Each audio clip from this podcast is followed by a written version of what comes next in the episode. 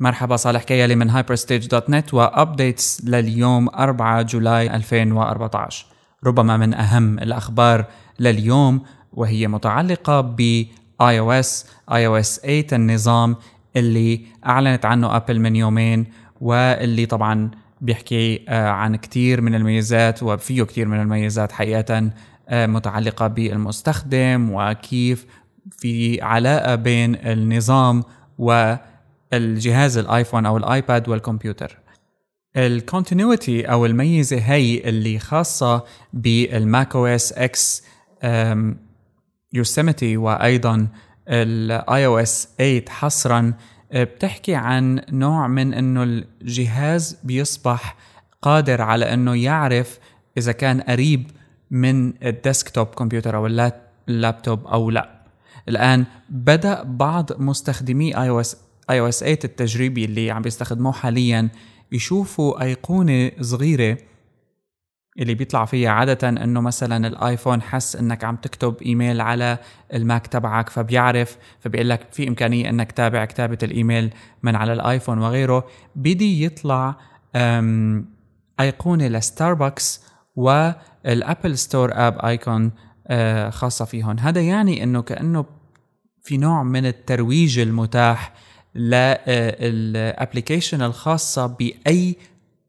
شيء physical أي شيء يعني مانو ماك حصرا. فهون مثلا إذا الواحد مر من جنب آه، مثلا الستاربكس القهوة فحيطلع له تطبيق إمكانية لأنه مباشرة ينزل تطبيق ستاربكس هذا ما أعلن عنه صراحة من Apple لكن يبدو إنه موجود.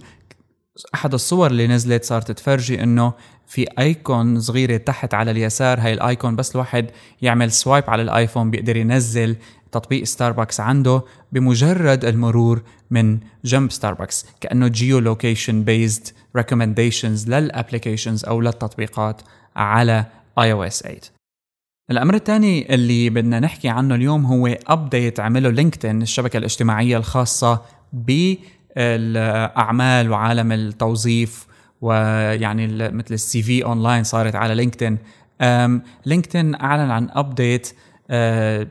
لل premium users للمشتركين اللي بيدفعوا اشتراك. أصبحت صفحة ال profile بتشبه كثير صفحة الفيسبوك اللي هي قائمة على cover photo فوق وأيضا صورة المستخدم إضافة إلى بعض ال profile options الجديدة. طبعا يعني بغض النظر عن هذا الموضوع لكن المثير للاهتمام إنه الترند أو الصيحة في تصميم ال profile صفحة ال profile الكل عم بيحاول يقلد style الفيسبوك فيها. يعني شفنا أول شيء بدأ فيسبوك بفكرة ال cover بعدين اجى عنا Google Plus عمل هالشيء وبعدين هلأ تويتر مؤخرا ومن جديد LinkedIn عملها لل premium users.